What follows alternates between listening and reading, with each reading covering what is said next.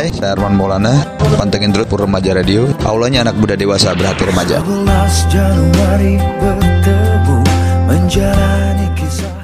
Babalu, babalu. Ngapa sih malu? Kita dengerin dapur remaja yuk. Babalu juga mau.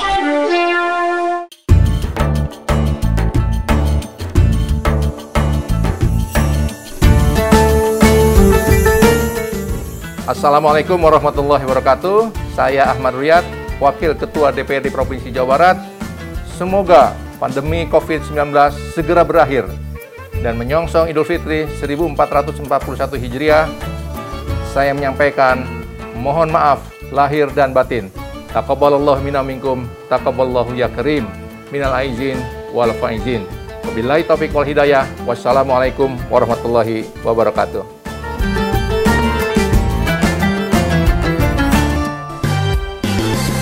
Telusur Wilayah bersama program ngopi jalan-jalan.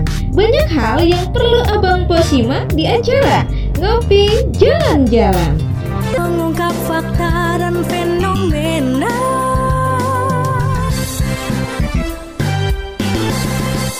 107.8 FM Dapur Remaja Radio, aulanya anak muda dewasa yang berhati remaja. Abang dan Po, senang sekali rasanya kembali berjumpa untuk menemani Abang dan Po di kesempatan hari ini. Dan sudah pasti Abang dan Po yang sedang asik beraktivitas di rumah karena kita masih dalam suasana PSBB atau dalam suasana peraturan uh, COVID-19 dan hari ini ngopi jalan-jalan spesial hadir di wilayah Kecamatan Bojong Sari dan alhamdulillah juga saya sudah mampir dan ngopi bareng di sekolah Yayasan Al Makmun Education Center yang berada di Jalan Haji Nawi Malik nomor 9 Pondok Petir Bojong Sari Kota Depok.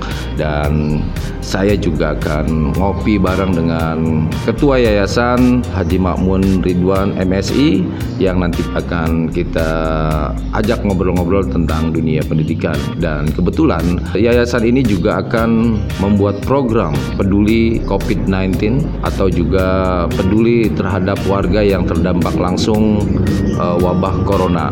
Dan tentunya Bang Danpo di kesempatan hari ini semuanya tetap bersama kami di acara ngopi spesial ya di acara kita yang selalu kita hadirkan untuk Abang Danpo semuanya dan saya akan langsung saja ngobrol dengan Ketua Yayasan Pak Haji Makmun Ridwan MSI yang biasa dipanggil Bang Haji Makmun dan kebetulan beliau juga sudah menyiapkan kopi panasnya untuk kita hari ini ya Bang Danbo. uh, Assalamualaikum uh, Bang Haji. Waalaikumsalam warahmatullahi wabarakatuh.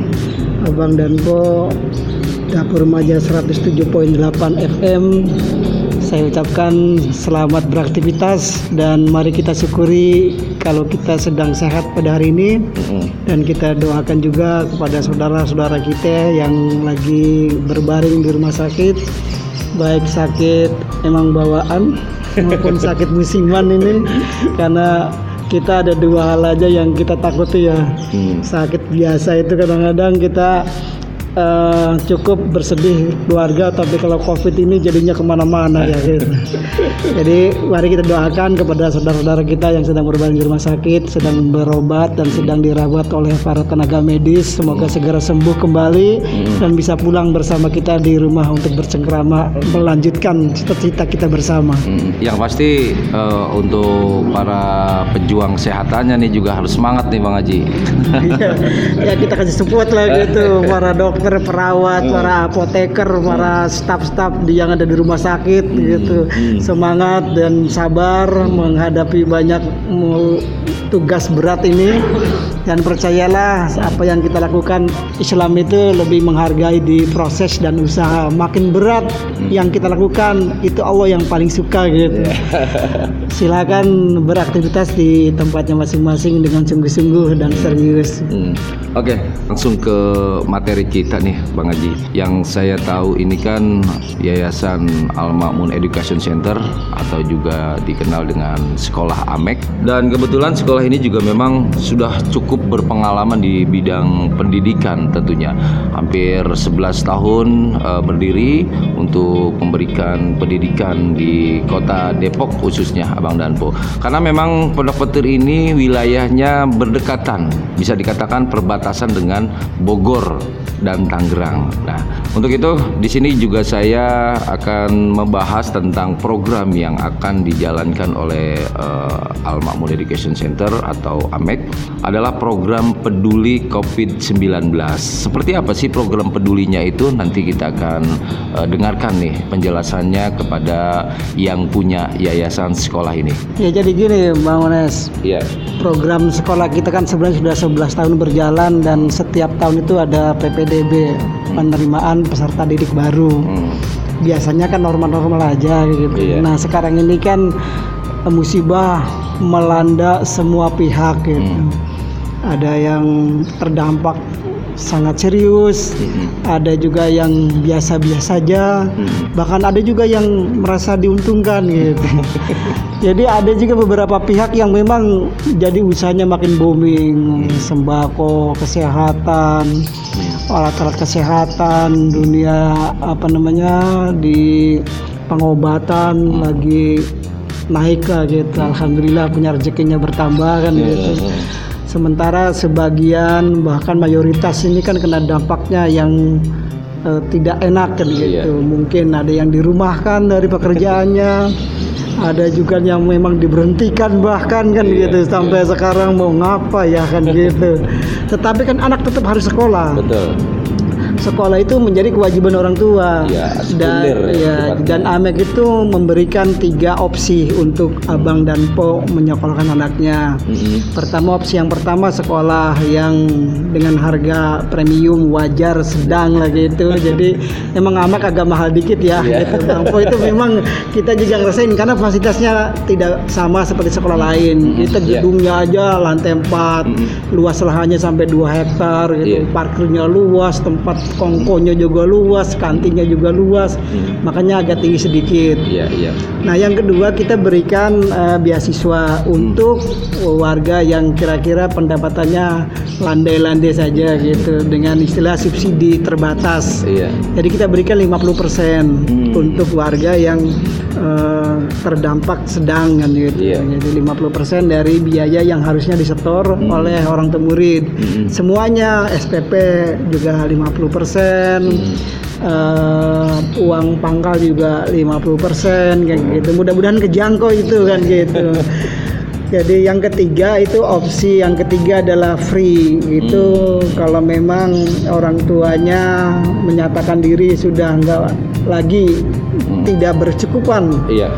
ibaratnya buat madang aja ngepas jadi untuk biaya sekolahnya kan lagi kosong. Iya, betul. selama bulan-bulan ini mungkin sampai Desember atau sampai waktu yang belum ditentukan kita berikan opsi. Silakan eh, daftarkan di SMK Mek free.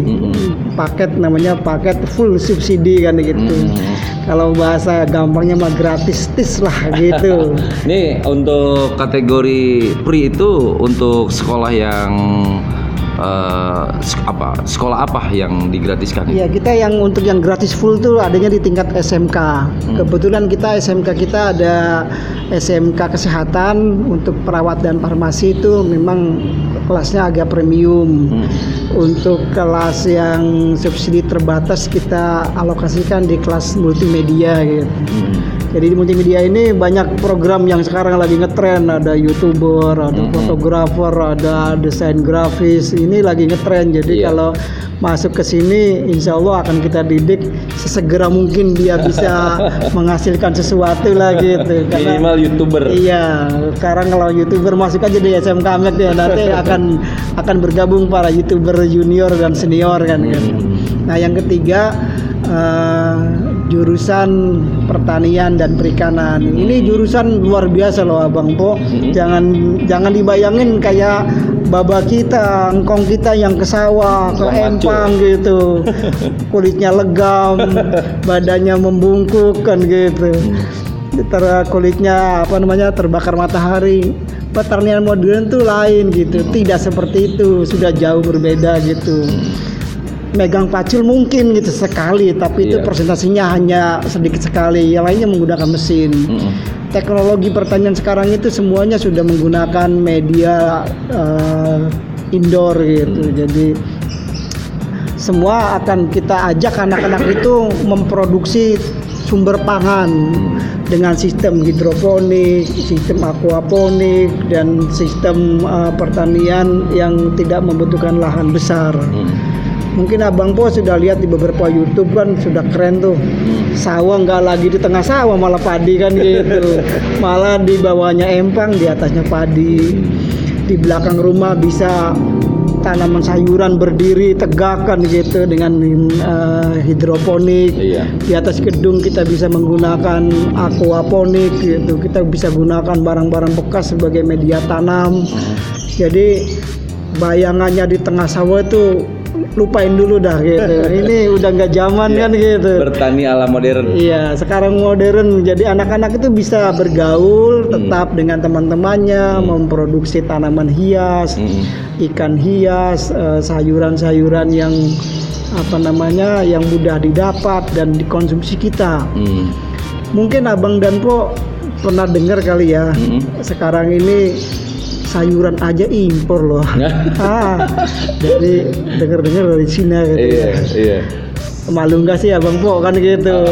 Kita yang punya lahan punya semuanya ada di sini kenapa impor Kenapa? sayuran kan gitu. Hmm, betul betul. Karena kita memproduksi sayurannya dengan manual, konvensional. Hmm. Jadi kita nggak ngerti bisnisnya pertanian. Iya. Nanam aja nanam kang sebanyak banyaknya. Pas dipanen bingung main Penjual- cabut aja gitu. penjualannya dan segala macam gitu. ya. Yang kedua nggak menggunakan teknologi. Jadi mestinya 100 meter lahan itu mestinya dapat 10 ton cuma dapat satu ton. Yang ketiga tidak ada bagian marketing. Yang nggak mikirin ini kapan dijual, kapan dijual ke mana kan gitu. Jadi kalau di agribisnis sebelum nanam nih kita udah ngitung tahun eh tanggal berapa kita panen dijual kepada siapa? Dan kita sudah menawarkannya. Tanggal sekian kita punya produksi sekian kilo atau sekian ikat atau sekian kintal. Jadi ketika barang tiga hari seminggu sebelum dipanen kita udah punya pembeli kan gitu. Hmm, Jadi sudah ada target penjualannya Iya. sudah jelas gitu ya. itu yang membuat kita banyak rugi petani kita. Udah capek-capek pas mau panen dibagi aja akhirnya kan gitu. Di madang sendiri dibagi-bagi tetangga di pasar dijatuhin lah sama tengkulak. Wah ini mah murah barang murah. Akhirnya kita nggak balik modal. Hmm. nah teknologi pertanian dan agribis ini akan menghitung Hmm. eh, visibilitas menghitung resiko bisnis kan gitu. Jadi pertaniannya berbasis pada bisnis modern kan gitu. Sekarang udah canggih lah gitu. Jadi kita bisa jualan sayuran produksi bagus, maksimal maksimal dan penjualannya juga bagus kan gitu. Jadi eh, Nah, untuk sementara ini eh, bagaimana dengan cara metode pembelajarannya? Ini kan kalau pertanian itu kan identik dengan selalu berada di lapangan. Nah, bagaimana juga dengan teori atau prakteknya itu sendiri nih, Bang Haji? Jadi kita kebetulan nih pemerintah Mas anu nih Mas Nadim ya, menteri kita ini kan menteri yang revolusioner dalam pembelajaran. Setiap sekolah diberikan kewenangan untuk merdeka belajar nih. Merdeka belajar tuh jangan terikat dengan tradisi belajar seperti yang dulu. Datang ke sekolah harus jam 7 teng, kalau enggak dihukum lah sama gurunya. Terus langsung masuk, duduk di meja tertib, nggak boleh tengok-tengok kan gitu. Meja rapi, bersih, gurunya datang baru hormat kan. Nah, menteri yang baru ini diberi kesempatan kepada semua sekolah untuk merdeka belajar. Yang ditargetkan adalah bagaimana sekolah ini bisa mencapai perolehan belajar maksimal kepada siswanya. Nah, AMEK akan menggunakan kurikulum berbasis kepada eh, kompetensi kan gitu. Jadi kompetensinya akan kita tinggikan gitu. Sistemnya sistem blok. Jadi Abang Po yang di dunia pendidikan ngerti dah gitu. Sistem blok itu ada yang satu blok mata pelajaran yang kita fokuskan gitu. Jadi bisa misalkan pelajaran tahfidz selama tiga bulan blok itu. Berarti tiga bulan saja belajarnya targetnya udah jelas misalkan 10 juz selama tiga bulan.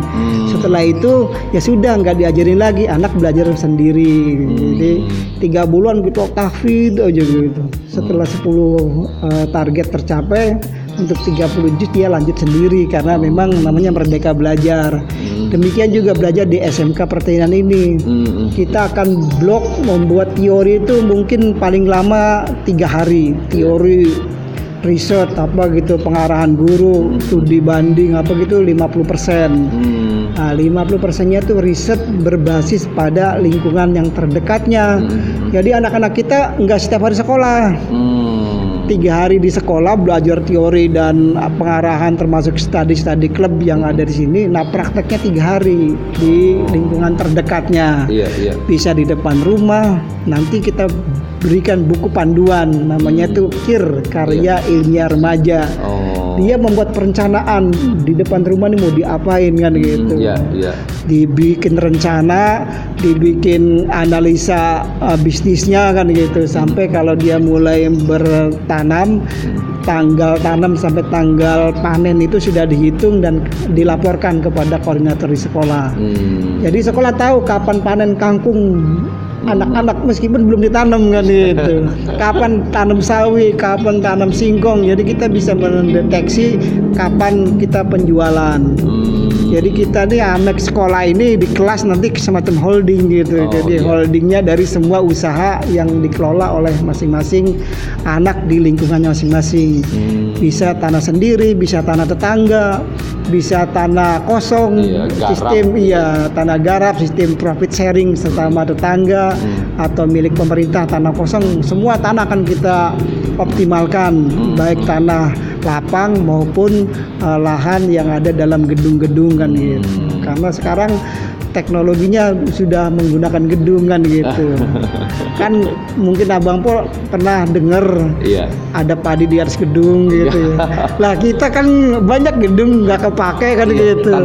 Ya, eh, ntar anak-anak kita tuh yang ngurus kan gitu.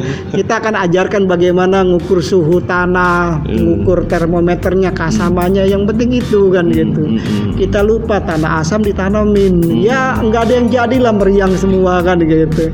pH-nya rendah ditanam tanaman ini ya. Jadi Iya. itu nggak cocok. Ibarat kata mah nggak nggak nyetrum dah gitu ya. Nggak nyetrum sama lingkungannya kan gitu. Dan Amek Nah. akan menyiapkan itu sebagai bagian dari eh, namanya agribisnis modern gitu. Hmm.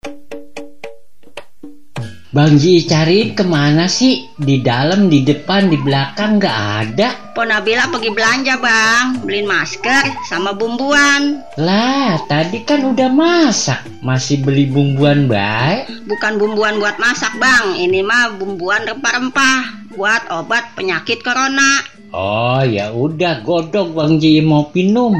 Iya bang, kalau rempah-rempah makan obat alami. Iya, di samping kita nggak boleh ngumpul-ngumpul, juga nggak boleh kelayaban jauh-jauh. Kita juga harus mengkonsumsi obat untuk mencegah virus corona. Lah iya, kita kan dianjurkan ke mana-mana kudu pakai masker. Kalau pulang dari mana-mana cuci tangan. Lah kita kudu jaga kebersihan dan kesehatan. Ada suling di atas tikar. Di samping berdoa, kita juga harus berikhtiar. Batik celana indah warnanya. Di balik bencana corona, semoga membawa hikmah. Iklan layanan masyarakat ini dipersembahkan oleh Dapur Remaja Radio.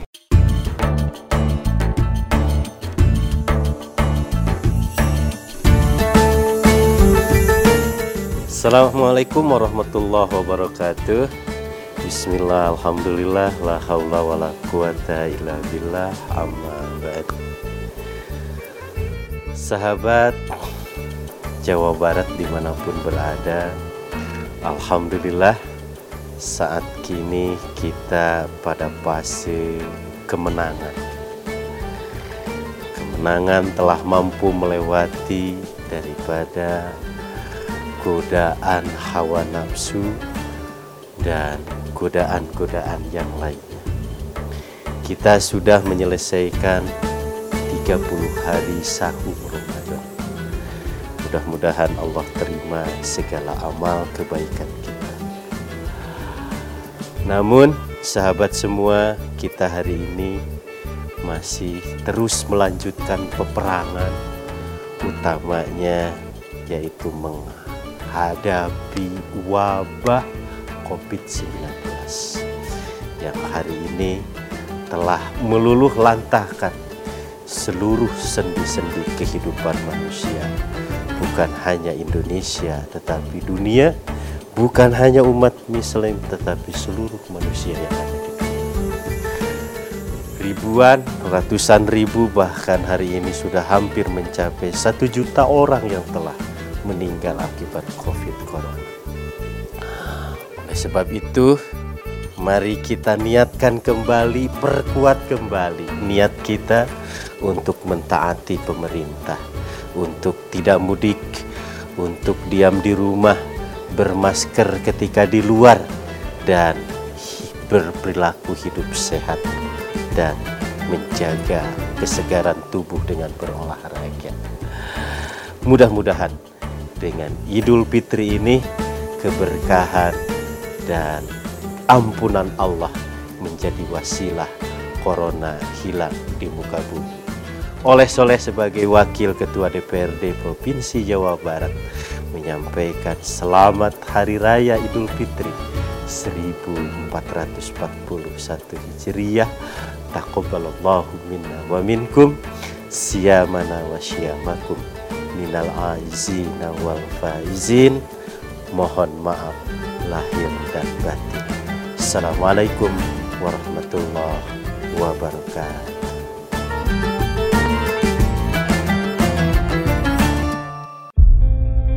Abang dan Pok, salah satu cara penyebaran virus corona atau COVID-19 dikenal dengan istilah droplet.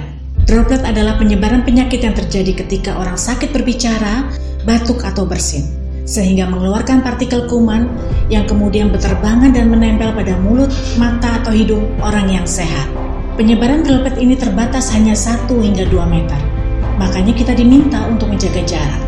Droplet juga dapat menempel pada gagang pintu, handphone, atau benda-benda lainnya. Jadi, apa yang bisa kita lakukan untuk menghindari droplet? Yang pertama adalah membatasi kontak dengan orang sakit. Tetap beraktivitas di rumah, menutup mulut dan hidung ketika batuk atau bersin, mengenakan masker, tidak menyentuh wajah, dan rutin mencuci tangan terutama setelah batuk atau bersin. Ayo abang dan empok pendengar radio Dapur Remaja. Bersama kita bisa lawan virus corona atau COVID-19 ini. Iklan layanan masyarakat ini dipersembahkan oleh Dapur Remaja Radio.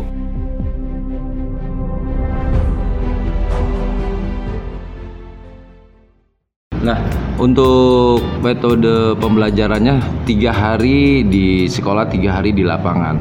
Selama praktek atau teori di sekolah itu, apakah full day atau ada jam tertentu? Dan juga hanya sekolah uh, agribisnis ini yang memang memang benar-benar gratis gitu. Ya kalau yang untuk gratis itu sebenarnya sekarang untuk sekarang ini agribisnis karena ke depan ini bukan ke depan sekarang aja ini kan kita lagi rame impor sayur Hmm. mungkin abang po denger juga ya di Wisma Atlet itu jamunya tuh jamunya kopi itu dari mana itu katanya? Itu denger-denger juga labelnya tulisan tulisan Cina gitu. Lah wong kita ini punya tanaman sangat banyak ya. Ada kunyit ada jahe merah Kenapa ada semua gitu. dari mana-mana gitu ya? ini kitanya aja nggak dibikin. Nggak ditanam nggak dibikin. Atau Nah, nggak ditanyain? iya ya kembali lagi itu sistem pemasarannya nggak ada jadi Hmm. petani kita nggak ada yang sistem pemasaran nggak ada sistem packaging sistem nge-branding ya itunya orang ada jadi makanya kita SMK petani ini agribisnis Hmm. kalau ada tetangga kita yang nanam sayur akan kita ajak joinan nih Hmm. bagaimana masarinya bagaimana memproduksi supaya bagus supaya tepat kan gitu sehingga petani itu tidak sendirian Iya. nanam pakai modal panen nggak balik modal. Insya Allah anak-anak kita akan jadi konsultan di lingkungannya masing-masing kan. Jadi modul kita ini akan memandu anak meskipun di rumah dia akan mengisi modulnya kan gitu.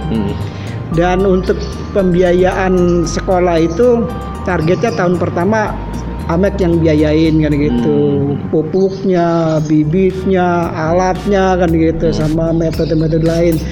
Nah enam bulan itu targetnya udah panen di tempatnya masing-masing. Dan enam bulan itu mereka sudah mulai menambah aset. Aset bergerak apa itu perlengkapan eh, agribisnisnya termasuk aplikasi-aplikasi yang dia harus kelola kan gitu. Jadi jangan dibayangin cuma taunya eh, tanaman dan eh, alat-alatnya ya gitu. Kita ajarin juga fotografinya bagaimana posting yang bagus. Cara pemasarannya. Iya, jadi eh, apa namanya akan di sekolah itu ada kita undang ahli fotografi untuk ajarin bagaimana ngambil moto teknik pengambilan Iya gambar. pengambilan gambar kan sayuran sama binatang beda cara motonya, cara menjual juga beda kan gitu. Jadi kita ajarin sehingga mereka itu punya kemampuan bukan hanya merawat tanaman, eh, tapi juga bagaimana memasarkannya kan. Jadi gratis 6 bulan tuh insya Allah dia udah bisa nyari duit sendiri tuh untuk penambahan aset dan pengembangan.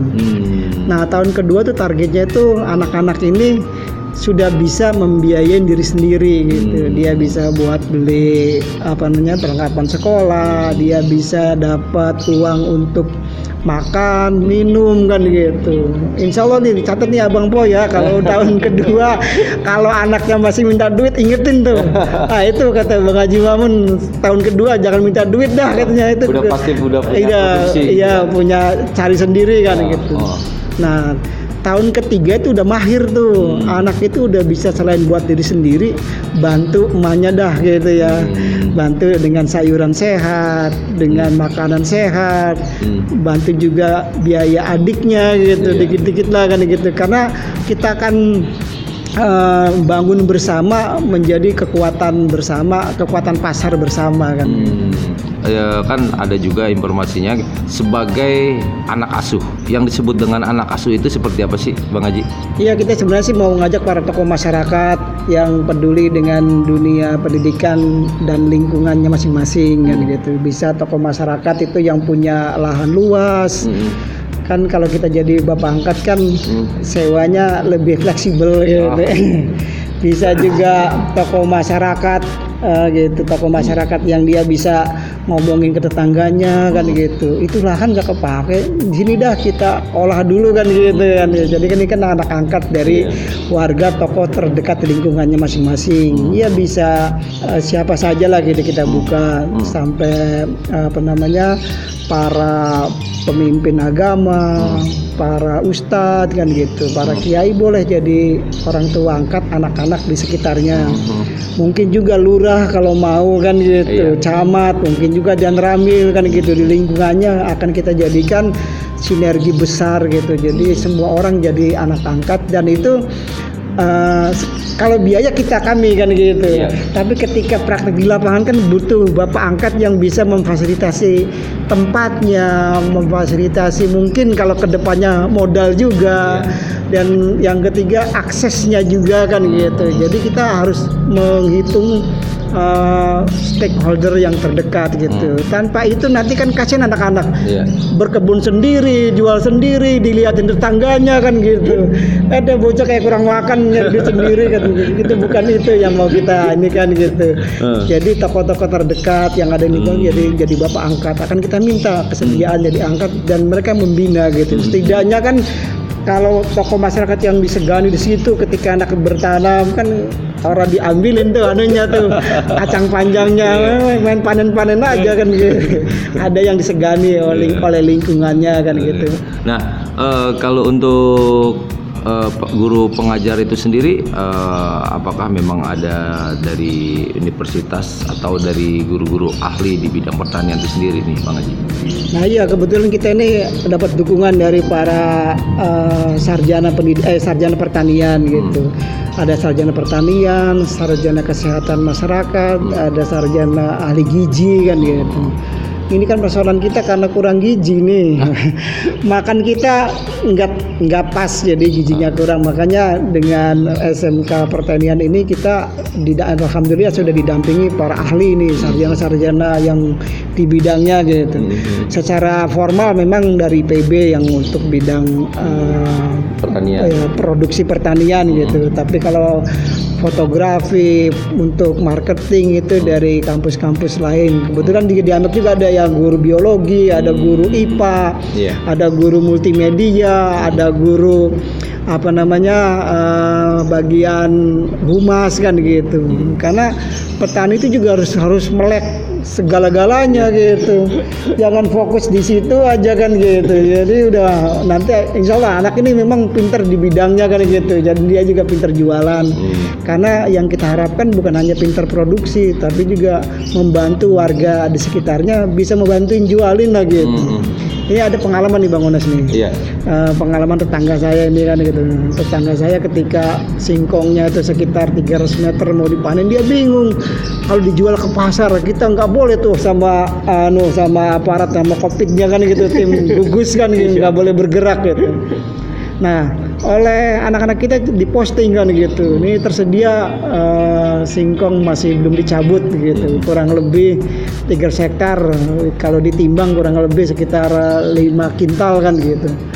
Dan itu mm, dalam waktu nggak lama ada yang beli kan dari luar kota kan gitu. Dia datang pakai mobilnya, pakai ini dengan harga yang bagus gitu, Bang. Dibandingkan di pasar cabut sendiri dibawa ke pasar dan itu harganya kan di ini enggak ya berarti kan di sama sama tengkulak tengkulak kan dijatuh-jatuhin harganya kan gitu. Kalau ini nggak bagus. Kebetulan kan ada salah satu restoran yang memang dia punya uh, spesifikasinya itu garlic kan gitu. Dia singkong goreng dengan bawang putih yang luar biasa. Dia belanja sendiri dan harganya masya Allah kan gitu. Dua kali lipat. Itulah teknologi yang membantu warga kan gitu. Petani singkong yang bingung malah dapat untung dua kali lipat dengan cara ada yang bantuin uh, posting dengan cara yang baik kan gitu kira-kira Nah, kalau untuk masalah ide pertanian atau sekolah berbasis pertanian dan perikanan tentunya. eh, ini berawal ide ini timbul dari persoalan karena kita terlalu banyaknya impor Iya betul gitu Bang Nay. Sebenarnya kita juga agak prihatin kurikulum pendidikan kita ini kan kita suruh bersaing dengan negara-negara maju nih kurikulumnya kan gitu dengan PISA dengan apa gitu. Jadi kita ini harus bersaing dengan sains-sains orang orang maju gitu.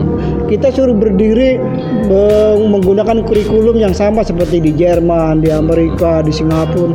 Kan kita orang nyampe-nyampe jadinya gitu. Kita nyampe mereka lebih cepat lagi kan gitu. Sementara kan potensi Indonesia sebenarnya di bidang agribisnis sebenarnya gitu. Jadi kalau kami berpendapat bahwa bolehlah Singapura teknologinya maju, boleh Malaysia teknologi maju. Tapi kan kalau butuh makan yang enak, yang segar, ke mana coba kan? Udah aja kita barter sama beras, sama sayuran yang sehat kan gitu. Mestinya kan Indonesia itu gitu yang didahulukan. Dan kita anak-anak kita punya kemampuan itu untuk merawat lingkungan sekaligus kan gitu. Hanya yang lemah itu di bidang branded, bidang branding ini memang dunia yang jarang dikenal oleh petani. Yang kedua pemasaran dan sebelum pemasaran itu ada namanya packaging gitu. Kita jarang sekali. Kan Bang Nunes pernah dengar mungkin ada singkong gorengnya Maici kan gitu ya. Itu zaman dulu singkong cuma taunya direbus taruh di piring kasih kopi pahit itu udah selesai kan gitu. kan nilainya kecil gitu tapi ketika digunakan teknologi digorengnya bagus dikemas bagus kan jadinya satu kilo ya punya nilai tambah. Satu kilo singkong yang sebelumnya dihargain cuma sepuluh ribu menjadi tiga ribu kan? Gitu. Eh, sama produk yang lain juga kan? Gitu. Kita seneng ngomong tentang goreng yang dikemas di supermarket ada singkong dikemas bagus ada pisang ada nangka. Kita kan nggak ada yang ngemas semuanya begitu semua. Nangka ya Konven- kita. konvensional semua gitu ya. kita makan di bawah pohonnya gitu ya kalau udah kenyang juga berceceran Iya, ada gitu. istilah orang lain makan nangkanya kita kena getahnya Iya kan gitu. Sebenarnya kalau kita kembali ke alam, Indonesia punya kejayaan, punya kelebihan tuh itu kan gitu. Yang itu yang sering dilupakan. Kur- Kurikulum kita memang padat karena supaya bersaing dengan sainsnya negara-negara maju. Akhirnya dunia pertanian, industri pertanian yang nggak bakal kekejar lah gitu. Kenapa sekarang makanya kami berpendapat dan berkeyakinan kalau sektor ini lebih punya prospek ketimbang sekolah di jurusan-jurusan yang lain kan gitu. Insya Allah anak-anak ini yang masuk ke sini dalam waktu setahun, dua tahun, bahkan tiga tahun itu jadi leader di lingkungannya, leader di keluarganya, dan tidak meninggalkan tradisi engkong kita, baba kita gitu, yang sawahnya kotor, yang sawahnya eh, merugikan kan gitu. Insya Allah akan lahir para pejuang pangan di Depok khususnya ada Indonesia pada umumnya gitu. Untuk di ujung akhir obrolan kita ngopi spesial jalan-jalan ini ada pesan penting untuk Abang dan Po terkait dunia pendidikan. Ini kan Yayasan Amek sedang membangun atau sedang menciptakan program peduli COVID-19. Apakah memang ini juga akan berkesinambungan program ini sekolah gratis tentang agribisnisnya? Apakah uh, berkesinambungan setelah paskanya COVID-19 dan terus ini akan menjadi sebuah program unggulan Yayasan Al Mamun Education Center. Nah, barangkali juga sebagai closing statement uh, program ngopi kita hari ini bisa sekaligus rangkuman juga sebagai harapan di dunia pendidikan ke depannya di era globalisasi seperti ini. Ya gini Abang dan Po eh, di SMK Amek ini lengkap ya fasilitasnya sarana bahkan SDM-nya gitu. Yang minat di bidang kesehatan kita ada farmasi dan perawat. Itu memang biayanya ada gitu. Ada biayanya yang harus dibayar. Ada multimedia yang boleh 50% dan ada yang gratis kan gitu. Yang gratis ini supaya Abang dan Po juga ada pilihan. Jangan sekali-kali bersedih hati ketika kena musibah kan gitu. Kami ada dengan Abang dan Po. Silakan anterin tuh adiknya, anaknya, ponakannya gitu. Kalau lagi kesedihan begini nggak lagi orang ada duit untuk bayar ke mana-mana, udah ajak ke sini aja. Ini adalah sekolah yang punya masa depan yang paling bagus, masa depannya juga uh, lebih lebih moncreng lah gitu. Karena dunia pertanian itu dunia produksi pertanian itu dunia yang tidak pernah akan mati kan gitu. Orang boleh ngapain aja tapi tetap madang kan. Tetap makan sayur, tetap makan obat kan gitu. Semuanya dari produk pertanian. Jadi sehebat apa pun se apa namanya sepenting apa pun teknologinya ujung-ujungnya nggak bisa beras diganti pakai plastik kan. Gitu nggak bisa tuh sayuran diganti pakai kertas kan gitu. Tapi sayurannya sayuran gitu obat ya obat kan gitu. Jahe ya tetap jahe nggak bisa tuh pakai fermentasi apa kan gitu. Makanya percayakan ke kami abang dan po nggak usah ragu anterin dah anak ponakan tetangga semuanya kan gitu. Kalau lagi punya uang silakan ke farmasi perawat. Duitnya lagi cekak nih multimedia. Kalau lagi tongpes udah deh. Jangan jangan bersedih hati. Uh, Amek bersama Amek Insya Allah putra putri abang dan empok encang-cingnya babe semuanya. Insya Allah akan kita bina menjadi anak-anak yang terbaik anak-anak yang punya masa depan yang cerah. Baik, terima kasih ya Bang Danpo yang sudah mendengarkan siaran ini. Ngopi. Ngopi bersama spesial, bersama Dapur Remaja 107,8. Semoga Bang Danpo diberikan kesehatan selalu. Dan jangan lupa masa pandemi ini kita boleh beraktivitas tapi jangan lupa tuh masker eh, di bawah tuh tenteng mana-mana gitu ya. Yang kedua cuci tangan tetap harus cuci tangan sebelum dan sesudah aktivitas. Yang ketiga tidur tuh yang cukup, jangan dikurangin. Kata dokter 7 sampai 8 jam tuh udah mantep dah kalau tidurnya mantep hmm, cukup. Yang ketiga makan, jangan semua dimakan ya gitu. Pilih-pilih yang ada gizinya, ada proteinnya, ada vitaminnya gitu. Buah-buahan tuh awas tuh diperiksain semua, jangan sampai makanan yang sudah tidak punya gizi, tidak punya protein gitu. Kelihatannya mantep tuh kalau gorengan-gorengan, padahal kan belum tentu. eh, belum tentu. Makanya jaga makan dan minum yang sehat dan yang terakhir mari kita jaga pendidikan kita gitu. Yang masih kecil kita jaga pendidikannya supaya pinter yang udah gede ya kita mantapkan. Dan yang sudah tua tetap belajar. Jangan berhenti karena sudah tua. Perbaiki kita supaya quality of life kualitas hidup kita bertambah. Eh, terima kasih banyak eh, Bang Haji. Kita hari ini acara ngopi spesial jalan-jalan sudah banyak membicarakan tentang dunia pendidikan. Dan tadi di situ juga kita bicara tentang dunia kesehatan, terus juga pesan terhadap COVID-19 dan tentunya di kesempatan hari ini Abang dan Po yang ingin atau masih galau tentang mau ke mana daftarin anaknya sekolah, mau jurusan apa, mau bidang apa, ya kan? Dari jenis teknologi sampai dengan main lumpur ternyata di sini ada nih Abang dan Po. Dan tentunya di kesempatan hari ini Agnes dan juga operator siar, produser mengucapkan terima kasih banyak atas kebersamaan Abang dan Po. Nanti kita kembali lagi di sesi Education yang berikutnya tempat yang berbeda sudah pasti di acara ngopi spesial jalan-jalan. Kalau Abang dan Po masih penasaran tentang Yayasan Al Makmun Education itu di mana? Abang dan Po bisa datang langsung ke alamat Jalan Haji Nawi Malik nomor 9 Pondok Petir, Kecamatan Bojong Sari, Kota Depok. Lokasinya sangat strategis, berada di pinggir jalan. Abang dan Po, saya yang bertugas pamit mundur. Terima kasih. Akhir kata, wassalamualaikum warahmatullahi wabarakatuh. Telusur Wilayah bersama program ngopi jalan-jalan. Banyak hal yang perlu Abang Po simak di acara Ngopi Jalan-Jalan. Mengungkap fakta dan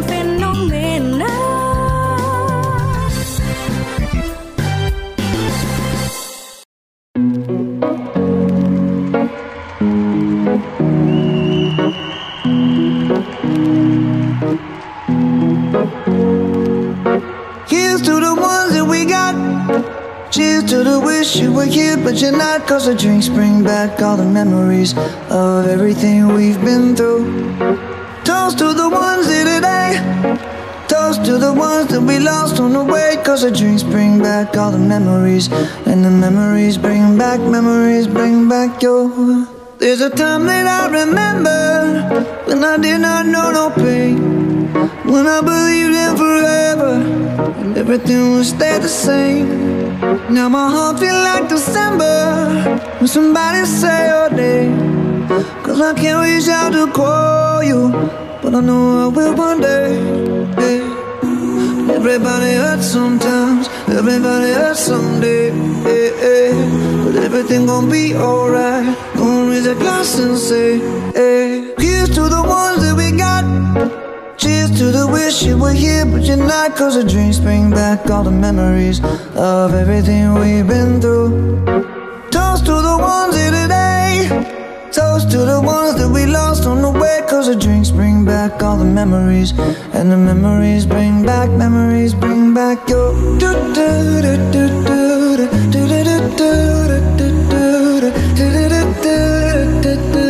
Memories bring back, memories bring back your. There's a time that I remember when I never felt so lost. And I felt all of the hatred was too powerful to stop. Now my heart feel like an ember and it's lighting up the dark. I'll carry these torches for you, and you know I'll never drop. Yeah. Everybody hurts sometimes, everybody hurts someday. Yeah, yeah. But everything gon' be alright. Raise glass and say, hey. Here's to the ones that we got. Oh, cheers to the wish you were here, but you're not. Cause the drinks bring back all the memories of everything we've been through. Toast to the ones here today. Toast to the ones that we lost on the way. Cause the drinks bring back all the memories. And the memories bring back, memories bring back your. do do do do